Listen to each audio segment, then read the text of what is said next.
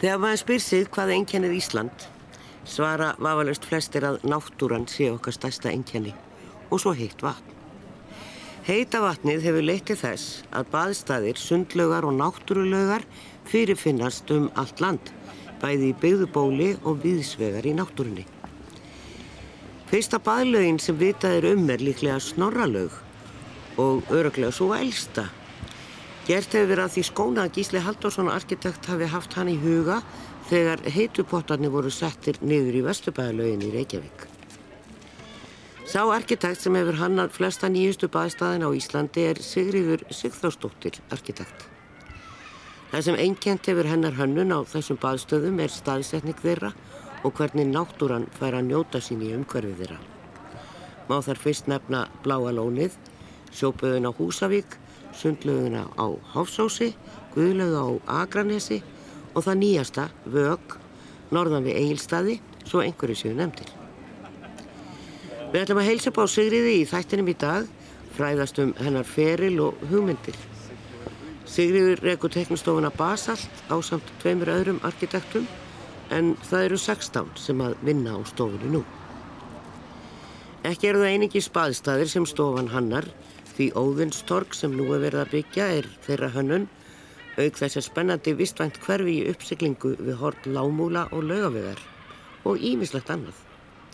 Stofan er á miðjum lögavegi rétt ofan við frakastíð í þingiðu mannlífsmiðborgarinnar og þegar inn er komið má sjá þar á veggjum myndir af tillögum, byggðum, mannverkjum auk verlunagrippa og skjalda bæði íslenska og erlenda. Það er kannski fyrst að spyrja þig, Sigriður, var arkitekturinn eitthvað sem að þú ætlaðir að gera eða var þetta tilvílinn? Það er svo misjant hvernig fólk lendir inn í þessu fæi. Ég hef alltaf haft áhuga á byggðumkörfi og byggingum en þegar ég útskrifast úr MA sem er törfert langt síðan þá var engin kynning á arkitektúr. Að var alltaf kynning í mentaskólum til að við getum svona valið starfsgrein áður að færi í háskólan. Við hafði eitthvað hugmyndum út á hvað störfin gengur og ég kynnist rauninni ekki þessu fæi fyrir en ég flytt til Stokkólms og meðan ég er áttam að hvað ég ætla að gera þá las ég listasögu. Þar kynnist ég sem sagt, fæinu sem slíku. Og eftir það var engin spurning í hvað ég færi. Það var ofsalega spennandi. Við fóðum sefni og ég hef komst inn í skólan í Stokkólmi sem var, ég var eini í Íslendingunum meðan ég var við nám þar. En það er erfitt að komast í hann á þeim tíma. Hverja voru kröfunar? Um, þú þurftur að hafa 5 pluss í stúdinsprófi þeir gef ekki nema 5 ég var ekki með 10 pluss þeir ætlaði að fara að deila sko með tveimur fara í okkar stúdispróf en mér tóst nú svona að lemja mig þar inn Já. með ákveðinu eftirfylgni og uh, hóf það ná og var þar í fimm ár. Eftir það fór ég beint heim því það var mjög slæmar atvinnu aðstæði fyrir arkitekta í Stokkólm á þenn tíma þegar ég útskrifast. Hvenar útskrifastu? 1980. Þá hengi heim og fekk strax vinnu á stofu. Það hefði vunnið hér sem nefn áður og hjá Geirharði Þorstensinni og Róberti Róbertsinni og hef starfað við þetta síðan. E, slæmar aðstæður fyrir arkitekta í Stokkólmi? Bara atvinnuleysi. Já, já, já. Atvinnuleysi á þeim tíma. Já, akkurat. Það er svona upp, upp og niður já. eins og hér á landi. E, Svíjar voru svolítið sérstakir hérna upp úr 70 þá ætlaði þeir að rýfa allan gamla staðin og þeir rýfu heil mikið af byggingum í, í gamla bænum en Þetta var nú stöðvað meðal annars af arkitektur að þeir fóru að kaupa upp þessi gamlu hús e, sem er síðan vinsalasta hverfið í Stokkólmi ferðamanna, þeir fari í gamlastan en þeir hafa byggt mikið þar í kring. Já, þetta var gjörbreytt þegar ég er þarna við nám, menn er orðin mjög gaggrínir á þessa uppbyggingu. Það var nú þarna við Serjels torg og það er sem sagt Sveavegen þá hafði fengið eh, Le Corbusier til að vinna skipláshugmyndir og tvö hús, eða maður rétt, voru byggð eftir hann. Og þess, þessar stóru hugmyndir voru uppi sko að halda bara áfram með loftmikil hús og sem stóðu svolítið í miðjum gardi og nóg af súrefni og byrtu og það var kannski viðbröð við gömlu húsunum sem voru kannski orðin úr sér gengin og illa við haldið og kannski ekki mikið heilnæmi í. Þetta var nú víðar en þarna en það hafi verið algjör viðsnúningur þegar að ég býð þarna vegna þess að um, þeir gerða líka eftir síðari heimsturöldina þá voru svíjar mjög vel stattir þjóðarhagslega gagvast öðr, öðrum löndum í Evrópu og þá hrúuðu þeir upp útkverfum sem þeir voru strax að byrja að tala um að sprengja niður eða breyta og annað á mínum tíma. Þannig að menn voru mjög orðnir fullir efasemda um að fara að hrópla mikið við og skemma gamla bæin. Það ja. var löngum liðin tíð. Þetta saga sem ég heyrði af, í Stokkólmi að, að það hefði meðal annars verið arkitektar að þeir hefðu farið og keift hús sem að voru bara með köldu vatni og, og ekki dramagjafel. Yeah. Og þar með, þetta er kannski svona svipað eins og þegar margir arkitektar fóru hér og máluðu sínum Já. Já, nákvæmlega, þetta er alveg sama baráta, þetta er ekkert mikið segna sem að torfusamtökin verða til hér og Guðrún Jónsdóttir stendur sterk þar fyrir að berjast gegn því að þessi gömlu hús erðu rifin því við vorum með samkjæfnir hér og hugmyndur uppi um að byggja allt í kringum tjörnina og láta þessu gömlu kofa bara flakka. Þótt ekki góð hús. Nákvæmlega, hugsaðu því. Já, það væri leðilt ef það var allt saman horfið, en hver, hverju voru þínar hugmyndir, ung kona, að koma hérna heim og, og, og byrja að vinna á stofu og þá svona tekur raumurleikin við, hvaða tækifæri fegstu? Ég er í rauninni bara að vinna hjá öðrum og vinna eins og gengur í uh, annara manna hugverkum og reyna að fylgja því eftir og læra, maður kann ekkert mikið þó maður hafi verið nokkur ári í háskóla að læra fagurfræði og þjálfa sig upp og skilja byggingar og sjá stóra samhengið. Það alveg gaman að taka þátt í samkjafnum og er ennþá mjög gaman að þar færðu meira frelsi kannski heldur að þú færð skilgreynd verkefni. En ég er bara svo lánsam að þau verkefni sem ég fengið hef hafa fengið svona um þóttuna tíma og mínar hugmyndir voru kannski svo litið, mér fannst, ég man það sérstaklega, mér fannst Reykjavík svolítið ómerkileg. Mér fannst svona þegar ég kom úr Stokkólmi að þetta væri ekki borg. Þess vegna er ég nú svolítið fyrir því að, að setja byggðina og fá þenn þess að borgar stemningu. Nú ég fagnar ferðamannaströfnum vegna þess að þá kem ég hér út á götu við laugavegin og ég mæti fullt af fólki, talandi með svona tungumál, veitingastæðir og þjónusta blómstrar þó ég sakniði þetta skólaverðstíksins eins og hann var orðin svona miðstöð svolítið hönnunargötu okkar eina hönnunagata það er bara orðið lundabúður í dag miður, hvernig sem við sem sagt getum unnið úr því þá feist mér þetta bara viðfánsefni það kemur, ég hef ekki trú á öðru. Það eru margir sem segja að starfsferill arkitekta byrja ekki fyrir enn svona umferdugt í fyrsta lagi. Um þessi fyrstu ára þá svona, það er ekki til margar byggingar í, bara í Evrópi, í heiminum getur við sagt eftir arkitekt sem er aðeins þrítugur. Það er alveg hár rétt. Það, sko, það er svo mikilvæg þessi ábyrg sem við arkitektar eigum að berja og til að sjá heildarmyndina vegna þess að við erum ekki engöngu bara að teikna sérstætt hús eða eins og aðrir, aðrar hönnunar sem sagt uh, greinar að við séum kannski að fást við lítilverkefni. Við þurfum að horfa á heildina og við eigum að bera ábyrða á heildinni og standa fyrir okkar máli þar. Þess vegna er nú fagnar efni að við erum konið með Listaakademíu á Íslandi en því miður þá sko tekur svolítið tíma að hún festis í sessi og við erum bara með sagt, fornámi hérna, bíanámið. Ég veit að það sem betur fyrir verið að vinna hörðum höndum að því að við fáum mastersnám viðkjönd á Íslandi. Uh, þetta var mjög umrætt á sínum tíma Já. í okkar fægi. Menn voru á móti því að vera með skóla á Íslandi eða skóla allir ætti að fara erlendis því það var svo lærdomsríkt að fara erlendis sem það vissulega er. En heimurinn er bara orðið svo lítill. Það er svo auðvelt að sækja sér þekkingu, það er svo auðvelt að fara á fyrirlestra, var á YouTube eða hvað sem er og sækja sér þekkinguna. Þannig að nálaðin er orðin mikil við aðra skóla og önnur umhverfi. Þannig að við getum klárlega klárað mastersnámi á Íslandi. Og þá myndum við fá meiri rannsóknir, meiri gaggríni og umfjöllun meðal okkar kollega því það er skortur á því.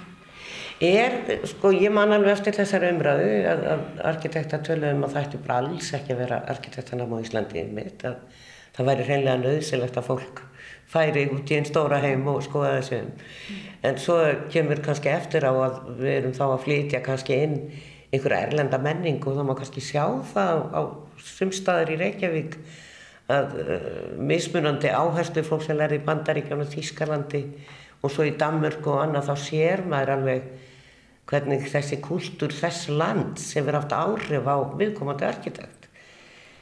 Það má segja sko þegar ég kem heim uh, 1980 þá var þetta mjög skýrt en þessi munur er að hefur mjög þynst út. Til samanböru þegar þessi umræð átt sér stað þá var maður í námi ellendis og maður hefði kannski efna því að koma heim einu svona ári. Þetta er gjörbreytt umhverfi þannig að tengjast, fara námsferðir erlendis, kynnast erlendum borgum og menningu. Það er allt annað dæmi í dag heldur en var þá. Eh, þannig að þér líst ágætla á að hafa skólan hér og það eru mikill áhugi á náminu. Það er fjöldi ungra íslendingar sem að fara í nám og líka kemur fólk á utan til að læra hér. Já, algjörlega. Já. Og mér finnst bara mjög mikil fengur í skólanum.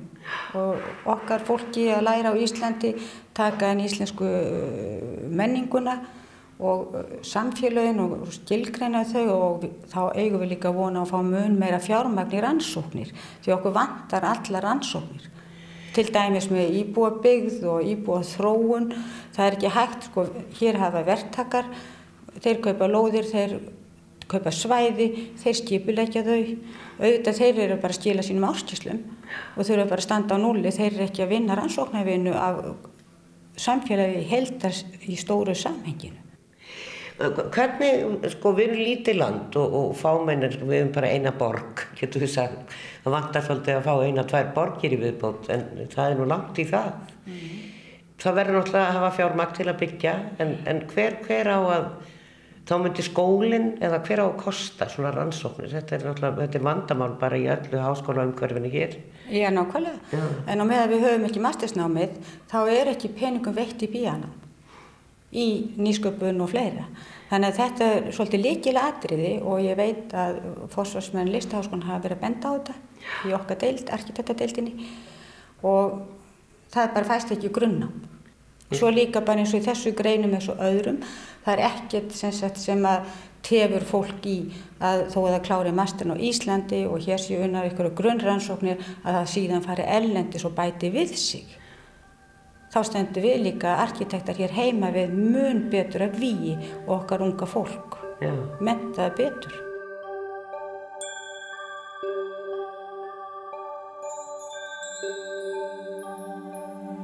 Svo hverjum aðeins frá þessu og grunninum og, og því og, og, og svona eins og ég sagði í upphafi þá það sem hefur verið svona mest ábyrrandi hjá þér eru þessar náttúru byggðir, getur við sagt það?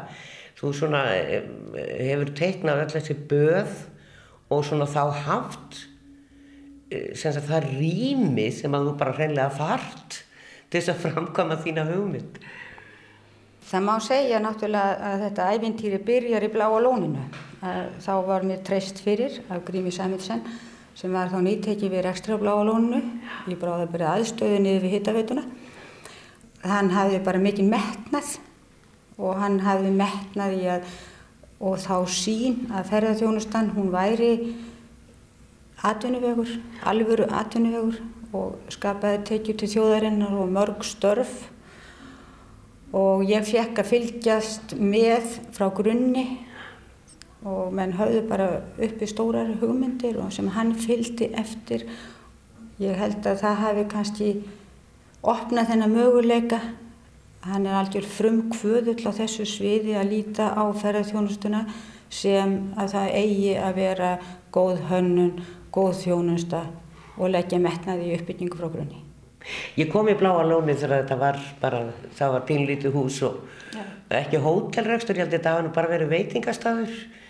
Man ekki hverju rákuð þetta þá, þetta er svona kannski 80 og eitthvað, millir 85 og 90 og malavegur upp að húsinu og, og, og, og það var jú reyndar það voru búningsklefar og en þá var þetta svona bara eiginlega ekkert búið að gera þetta, maður bara stakk út í það sem var þarna fyrir.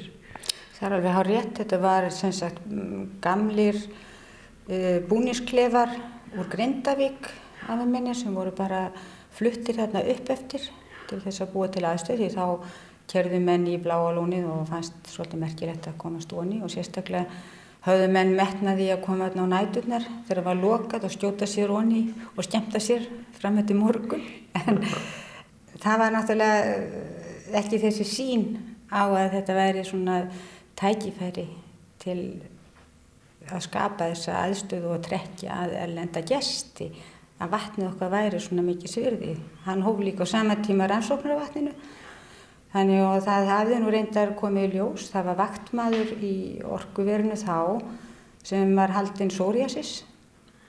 Og hann fór svona að stinga sér onni á kvöldin þegar það var lítið að gera á vaktinni. Nema hvað að hann, sem sagt, þetta einkinin hurð. Og þetta vakti forvitni Gríms, hann er náttúrulega læknir að ment líka, grunnment og hérna, hann hóf þá náttúrulega bara alvöru rannsóknir í samstarfi við húðlækna og að fylgjast með fólki og þarna voru settir upp þrýr skúrar. Niðurstaðan var svo að þetta er viðurkjöndu staður að vatnið í blálónu, það er að halda niður í sóriasis hjá fólki og viðurkjönda tryggingafélögum viða í heiminn, Já. meiri séu í Bandaríkjum og í Evrópu og viða sko. Þannig að fólk nýti sér þetta, en við skulum tala betur um þetta þegar við heimsækjum bláa lónið og eftir. En þessi, ertu náttúrubann, ertu svona, við hefur verið eitt miklum tíma út í náttúrunni. Ég fættu upp alveg sveit Hvar? og ég einasnes í Borgarverði, eh, rétt fyrir á Borgarnes og já, ég er mikið náttúrubann og ég er svona, tek svo heilshugar undir það sem hann segir hann Páll Jakob Lingdal, umhverfis sálfræðingur, er skemmtilegu maður, gaman að hlusta á hann.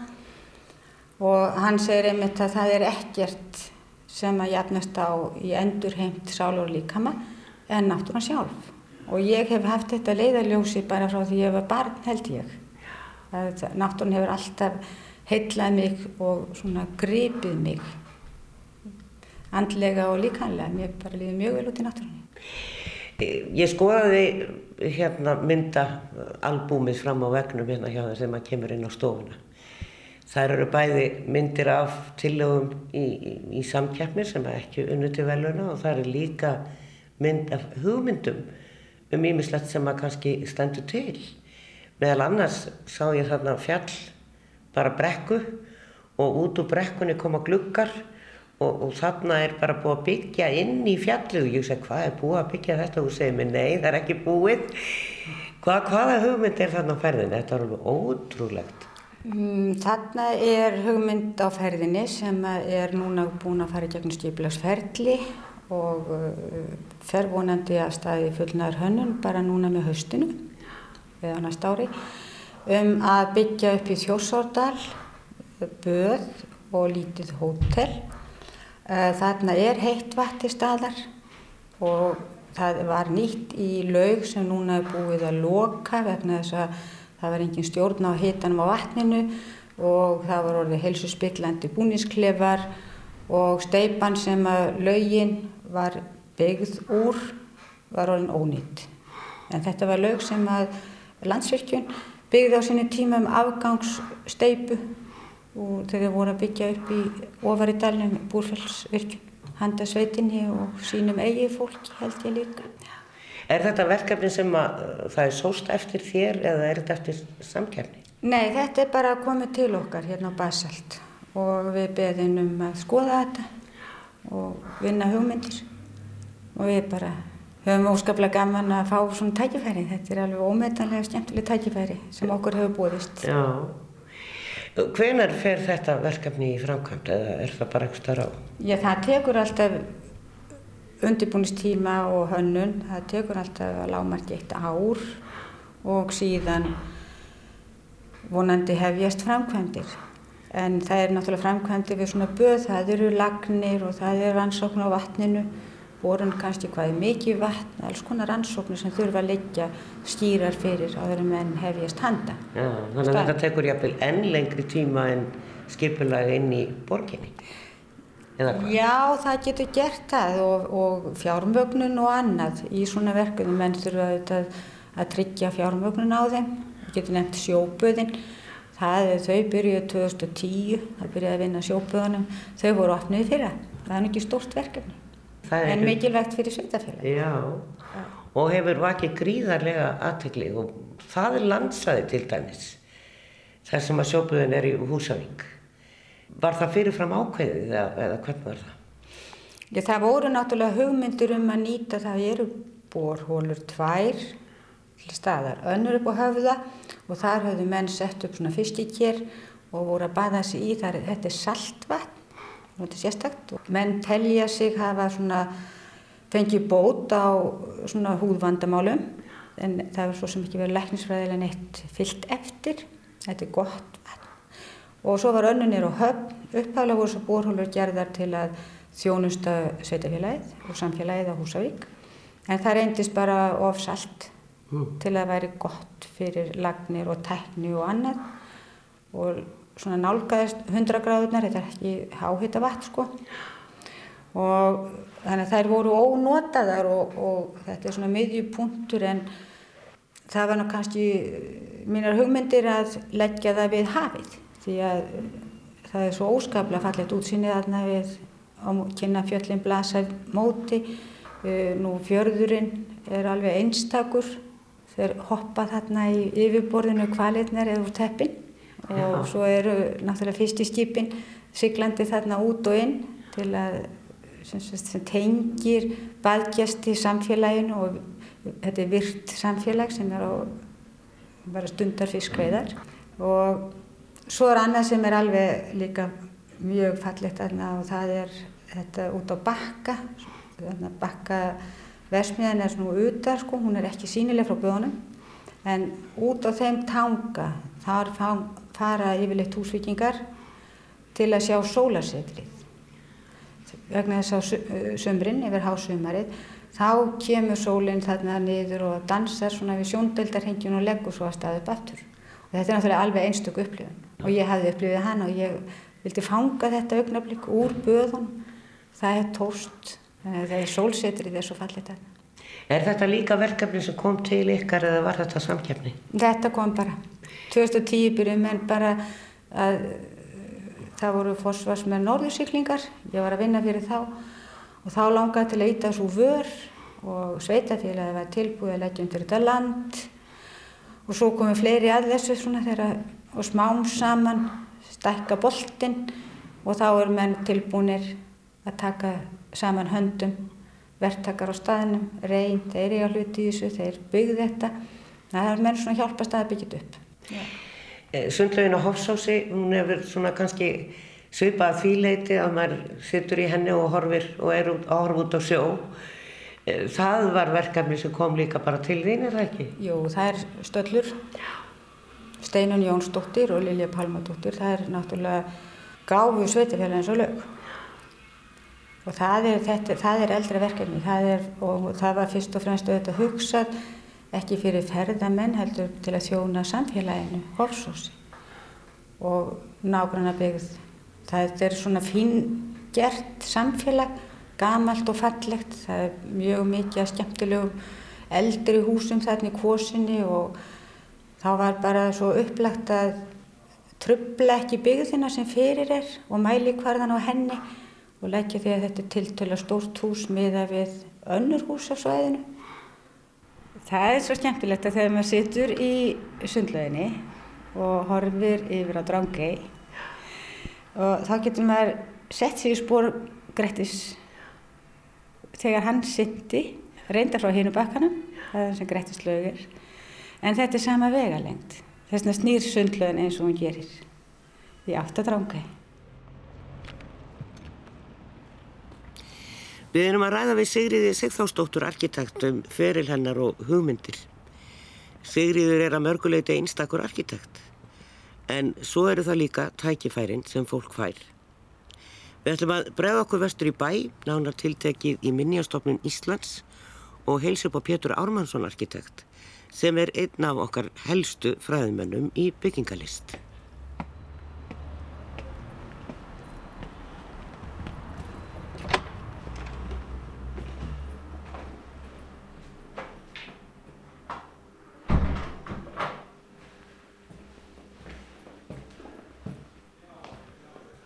Það heita Pétur Ármannsson.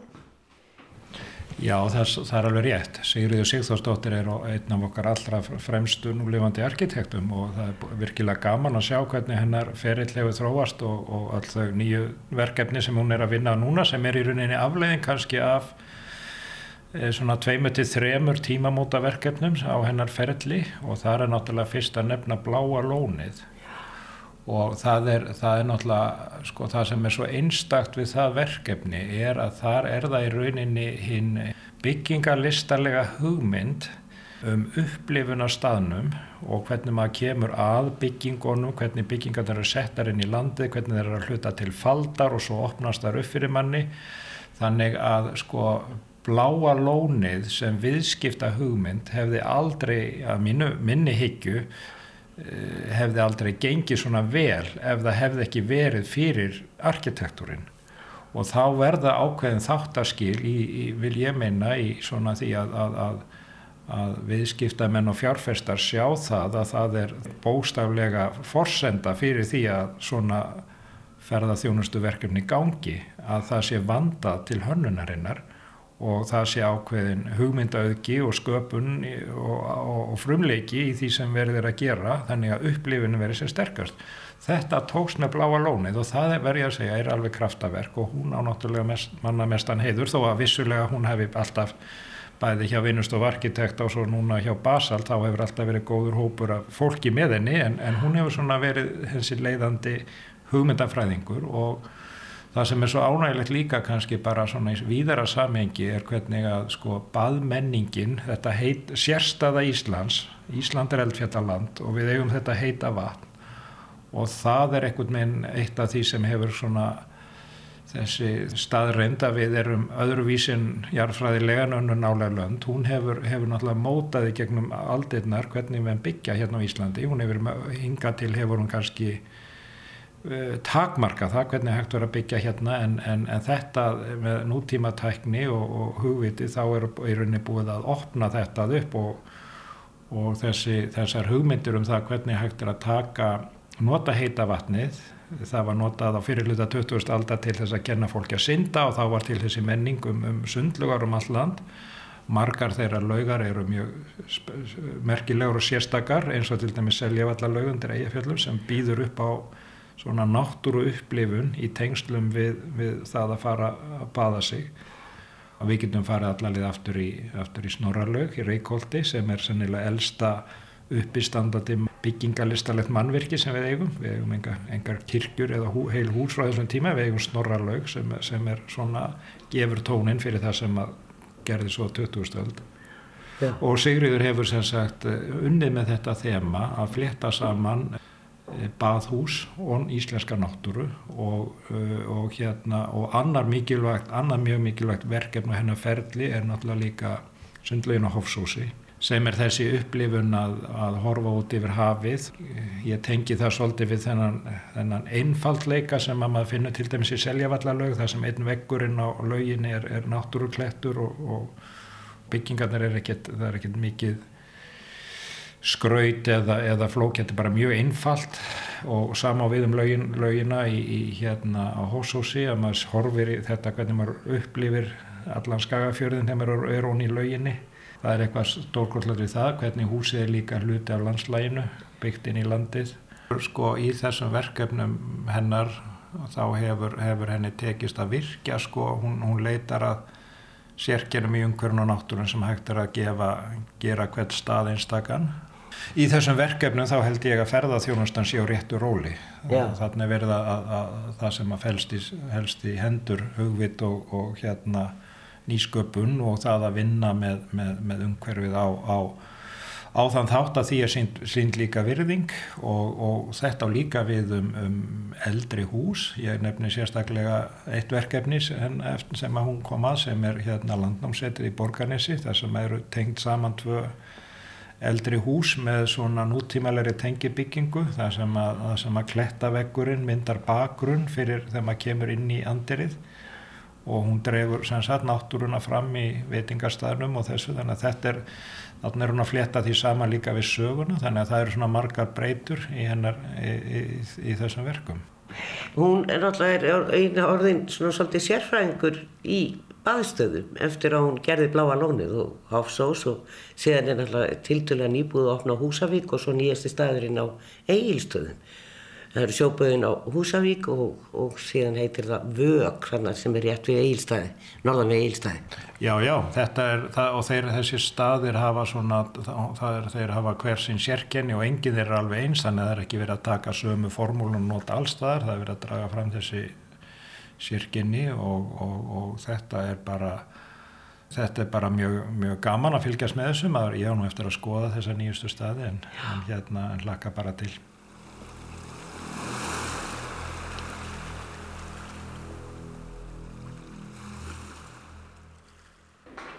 Þetta eru orðnir ansi margi baðstæðir og núna sá nýjasti sem er nýbúið að opna er uh, fyrir austan, rétt við Eilstaði, í Urravatni segir mér og heitir Vög og við erum að skoða myndir af þessu hérna, ég uh, hef ekki komið hana, en þetta er þetta splungun ítt og, og þetta er uh, þessi tenging alltaf bara beint út í vatnið.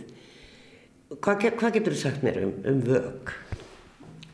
Vög er alveg einstakt bað þar sem er náttúrulega verið að nota heita vatnið sem á sér uppsprettu út í stöðuvatninu og það var náttúrulega mikil fengur þegar að þeim heitavit Östurlands tóst að höndla þessa orku og heita vatnið. Og þetta vatn er náttúrulega þjónusta sveitafélagin í kring.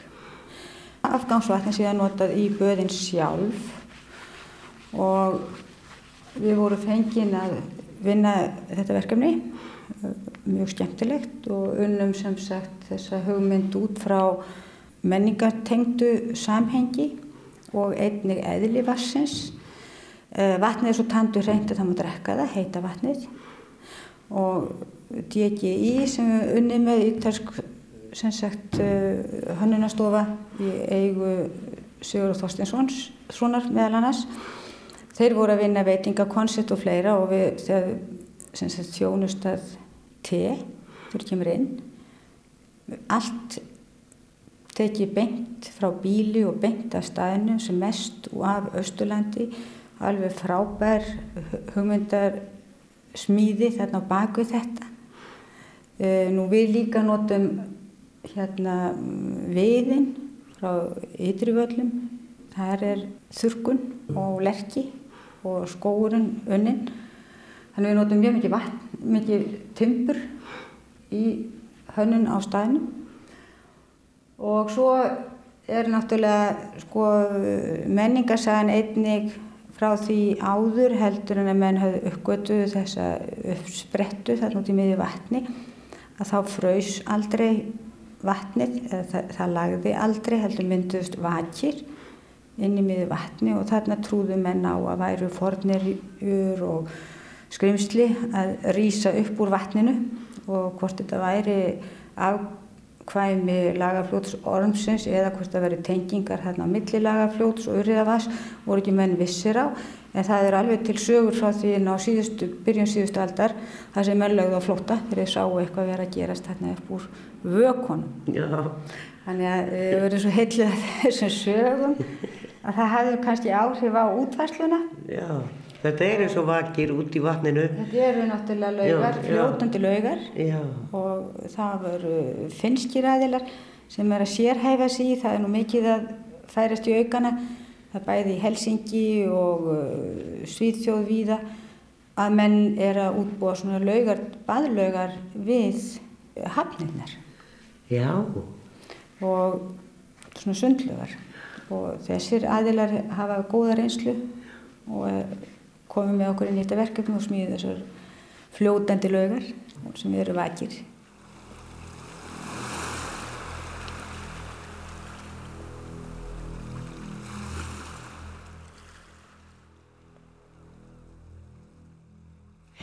sko af því ég talaði um tækifæri e, það er oft sagt að arkitektar þeir svona byrja ekkert að blómstra fyrir kannski upp úr færtugu í fyrsta lagi það tekur sinn tíma að, ná fótfestu og átt að sjá því hvert þeir vilja fara. Sumir verða svona briljant.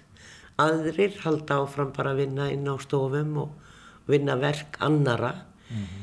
eða marga svona arkitektar? Er hún einstök? Þetta er mjög erfitt fag og það er alls ekki svo að allir þeir sem hafa sko hæfileika til fái slíkt tækifæri. Það, fjarrið því það þarf ákveðna hefni það er líka ákveðna áræð, á, áræðinni og, og það þarf að, að hérna, en svo, það, bara, svo er þetta bara endalus vinna. Og fólk þarf að það er alveg nöysilegt í þessu fæi að fólk þarf að sanna sig. Það getur gert það með því að vinna samgefnir sem er nú farvegur fyrir hefur einst mörgum ungum arkitektum mikilvægur farvegur svona til þess að byggja upp eigin rekstur og koma sér á kortið. Eh, sko Sigriður er náttúrulega heppin að því leiti að hún að bláa lóni slæri gegn og, og hún fær réttilega heiðurinn að því en dáun hann og, og, og þetta vindur síðan upp á sig og síðan sjá menn það að það er það er bara rekstralegur og viðskiptalegur ávinningur af því að gera hlutina að fylgja hennar ráðum og fylgja hennar hugmyndum og það er bara að skila sér í því að staðurinn er, er það er bara stóran þátt í því hversu vel tókst til með þetta, þetta mannvirki sem að, sem að mér skilst að gangi mjög vel rekstralega og það, það er náttúrulega kveikir áhuga hjá öðrum. Þannig að þetta er svona eins og ég segi þetta er, þetta er blandan af mörgu. Það er spurning um hæfileika og hugvit það er spurning um, um, um hérna, mikla vinnu áræðinni og svo líka ákveðna hefni. Kanski svona í lokin, Guðjón Samuelsson hefur verið okkar stærsta nafn svona í gegnum sögun og þó að margir góðir arkitektar hafi komið hér og byggt og verið byggt eftir þá. E, þá er svona mjög oft talað um Guðjón. E, svona þá er ég nú að hugsa um sko í dag þar sem heimurinn er orðið svona lítill, fólk fer til borgar þar sem arkitektúri sérstakur nefni Barcelona og, og fleiri staði í heiminum þar sem að fólk fer og skoða, fer hreinlega bara til þess að skoða arkitektúrin, óperúsið í Sydney og, og annað heldur að Sigriður sé aðdráttarafl fyrir Ísland? Ég held að sko Sigriður er náttúrulega sko, ef við nefnum bara þrjúnar, við getum nefnt Guðjón Samuelsson, við getum nefnt Manfred Viljánsson og við getum nefnt Sigriði, þá sem kannski svona heldur áfram því sem að mannfrið var líka kannski að leggja grunninn að en öll, öll eiga þau það sammert að þau þróast svona frá þau, þau, hafa, sagt, þau hefja sinn feril með því, með því að vinna í alþjóðlegum anda út frá alþjóðlegum hugmyndum og gera það mjög vel. En smá saman þróa þau sín verk í átt, átt til þess að, að, að taka tillit að láta umhverfið á Íslandi og sérstöðu Ísland móta sín verk bræða þetta tvent saman og mér finnst að Þannig að, þannig að það má alveg segja það að Sigurður sé að vinna í anda þó að Guðjón hafi náttúrulega verið embættismæður en hún er sjálfstæðar starfandi, mannfræð líka með eigin stofu að þá, hafa, þá, þá er sér þróun hjá þeim öllum. Og mér finnst þetta að vera sko þannig að þetta er svona þetta er spurning um það að eins og ofte nú rættum núna að byggingarlist eigi að vera, hún á að endur spekla einhver staðaranda, hún á ekki að vera alþjóðleg heldur hún á að vera að mótast af sérkjörnum og hefðum við komandi lands en, en samt vera nútímaleg og mér finnst, eh, mér finnst bara Sigurður að hafa fundið þann, þann balans í sínu verkum, það er jafnvægi.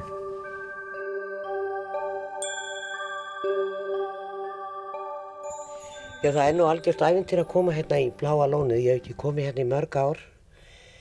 Ég kom hérna í elsta hlutan einhvern tíman fyrir mörgum mörgum árum síðan.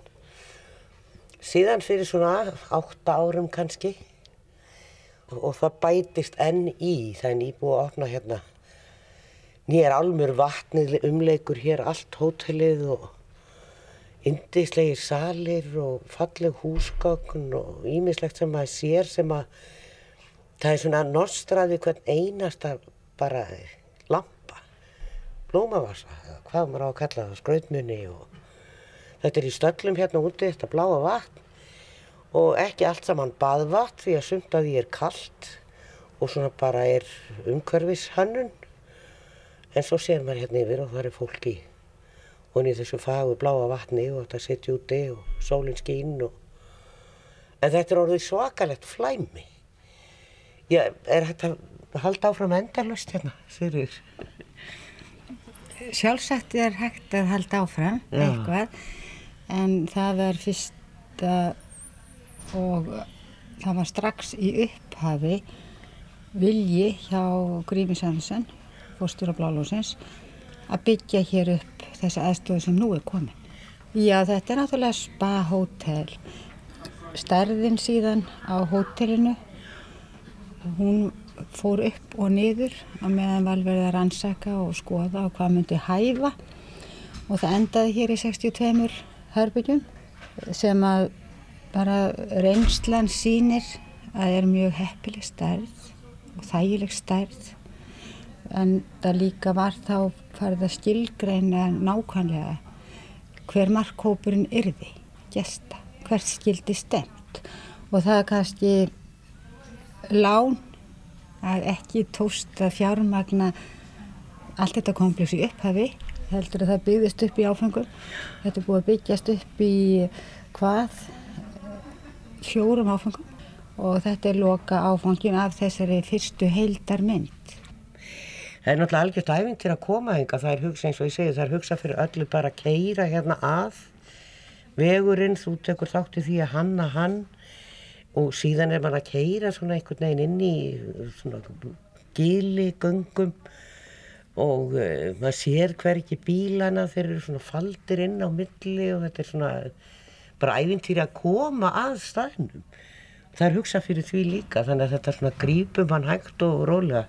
Já, já, það er, var strax í fyrsta áfanganum þá var gerð tæflega 200 metra gunguleið í gegnum hraun ásinn sem að lág hér eins og speni út frá við erum að byggja á Yllarhraunni og þetta eru tvö hraun sem við erum að byggja á. Það er Sundanhjúkarhraun og Yllarhraun og þau eru mjög skömmul, þetta er Sögurhraun, Yllarhraun meðan að hitt er eitthvað um 2000 ára gamalt.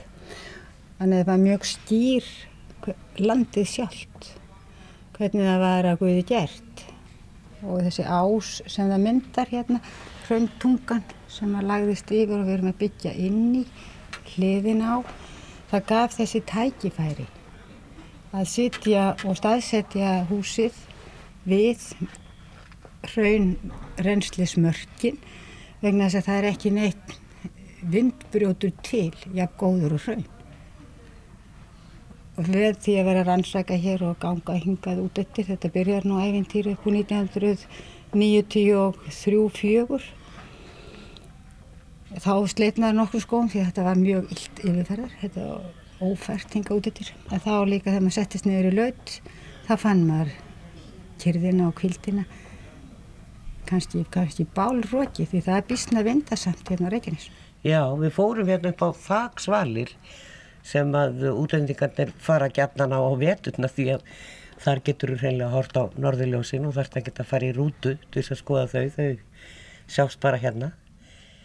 En annars er þetta allt svona niður grafið einhvern veginn og svona kósi og, og, og svona heldur utanum þau. Já, Svolítið vindasamt hérna upp á já, já. Já, já. eins og gjarnan er hér á staðnum Já. Er þeir alveg sleft lausri í þessum arkitektúr? Bara Grímur segir, jæja, segir nú ætlum við að halda áfram og, og hvað hva gerist? Nei, það er sko aldeilis ekki þannig því að reyndar sko hafa, hefur uppbyggingin haft trú á góruhönnun og lagt áherslu á það verið tilbúin að leita nýra leiða óþekktara leiða eins og til dæmis raunklæðningin í fyrsta áfanga það stóð maður í nokkra mánuði að saga niður yfirbúrsræn og, og ennþá lengra tíma tók, tók að raða því upp að múrurunum. En nú gardinnar hérna með raunmunstrinu sem við sjáum hér sólar vörnin inn í húsið. Þannig að menn eru tilbúinir en þeir eru ekkit að hlaupi eitthvað óundibúið og þeir hafa mjög sterkar skoðanir á hvað þeir ætla að gera og hvernig sem betur fer. Þetta samstarf er mjög mikilvægt. Það kannski gefur staðnum auki gildi og hann er að sanna sig fyrir það að eigendur og rekstraræðilar hafa bara verulega lagt sér fram og lagt mikla vinnu í undirbúning. Við byrjum hérna 2011 að undirbúningi. Já. Þannig að þetta, þetta þarf að fá sinn meðgöngutíma. Það er mjög mikilvægt upp á gæði hönnunar og gæði byggingar að því, það fái þann tíma sem að, þarf. Ég var að tala svolítið um aðkomuna og hérna svona hvernig maður er að keira í gegnum öll þessi göng og, og getur líka gengið og það eru tvær aðkomur, ein inn á hótelið og ein fyrir aðra gesti sem eru bara koma yfir daginn.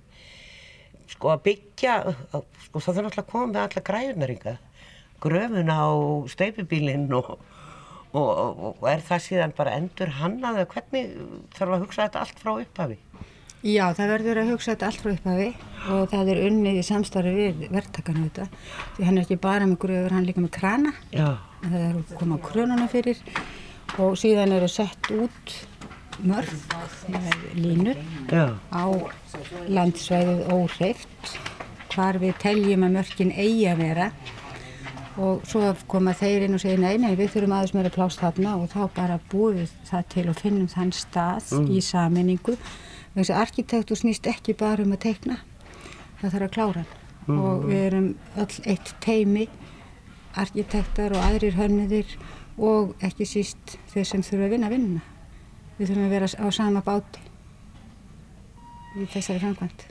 Við sjáum hérna náttúrulega raunin fyrir hérna út í þetta og er svona allt um líkjandi það er raun og á þakinu á mörgum húsunum, stórt grjót þannig að maður sér þetta ofan þá sérðu, þú flýgur hérna yfir þá sér ekkert endilega hvað hér að gerast. Þú sér bara bláa vatnið og hérna, en maður sér ekki byggingarna beint, maður sér bara grjótið ofan á þökkunum, það er og eins og ég segi, þetta er svona eins og litlir fyrðir eða víkur hér í kringum húsið.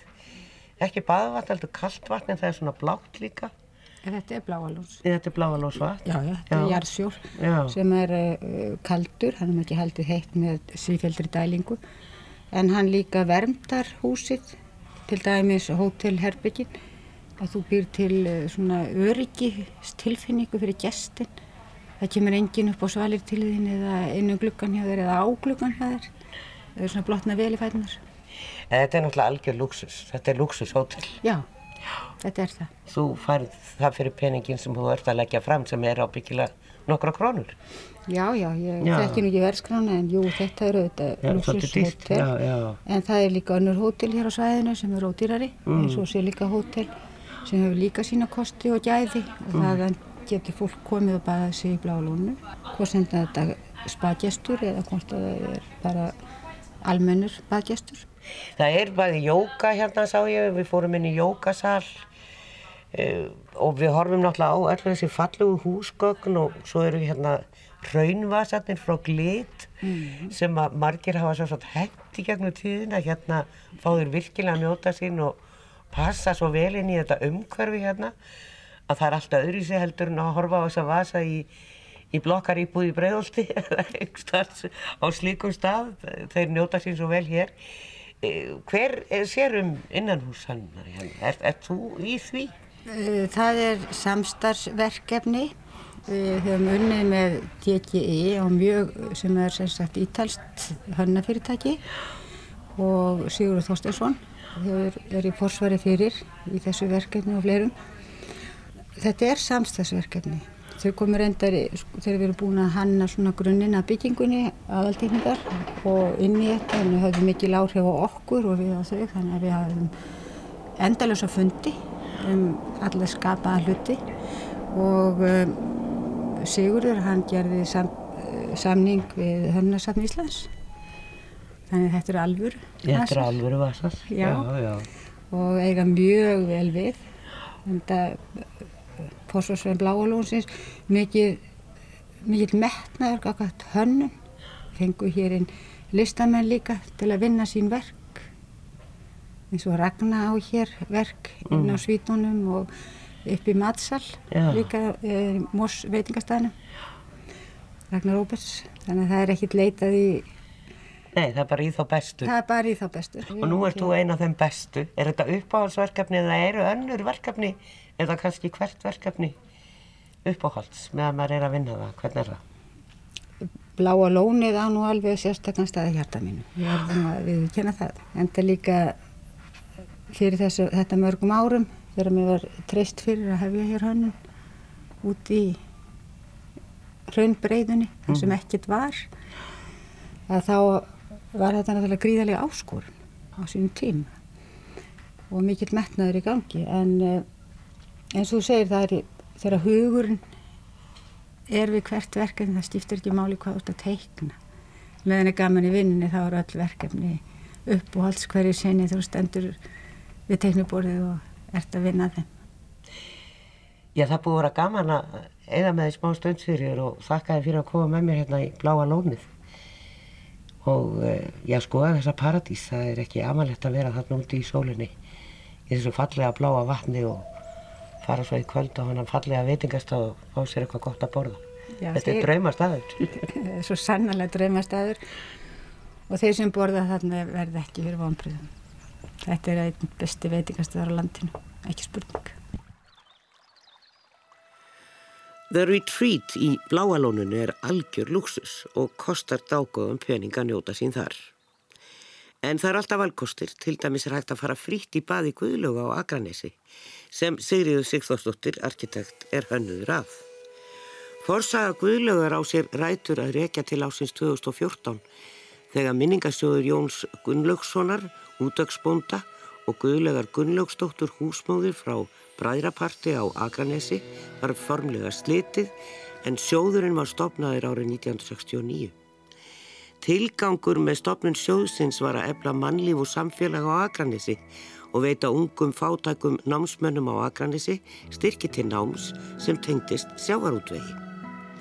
Með breyttum aðstæðum og atvinnaháttum á Akranesi sóttu færum styrk úr sjóðnum en stopnendur hugðu upphaflega. Það var því einráma samþygt í stjórnsjóðsins að leggja sjóðin niður og ráðstafa stærstum hluta hans til málefna tengdum slísavörnum og samfélagsmálum á Akranesi. Og það er bara að bregða sér í bað þar eða hvar sem er taka ringin og baða sig á Íslandi. Við hverjum Sigriði Sigþórsdóttir þar með í dag. Verðið sæl.